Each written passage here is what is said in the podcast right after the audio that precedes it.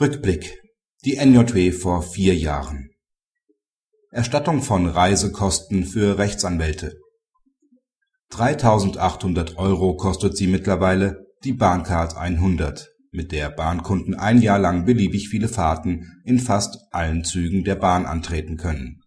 Da verwundert es nicht, dass sich ein Rechtsanwalt Aufwendungen für die Bahncard 100 als Reisekosten anteilig erstatten lassen wollte. Mit diesem Anliegen hatte er aber keinen Erfolg.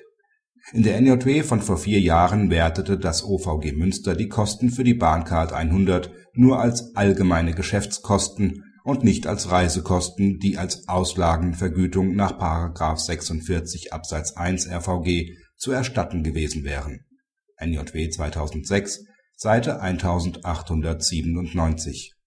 Außerdem sah das Gericht die Schwierigkeit, die tatsächlich entstandenen Kosten für die einzelne Fahrt zu ermitteln.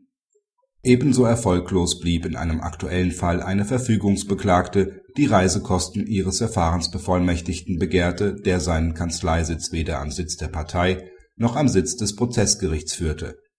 Unter diesen Umständen ist eine Beauftragung eines auswärtigen Rechtsanwalts nur dann für eine zweckentsprechende Rechtsverteidigung notwendig, wenn der Prozessbevollmächtigte für das Unternehmen regelmäßig anstelle einer Rechtsabteilung außergerichtlich tätig wird, so der BGH NJW 2010, Seite 1882.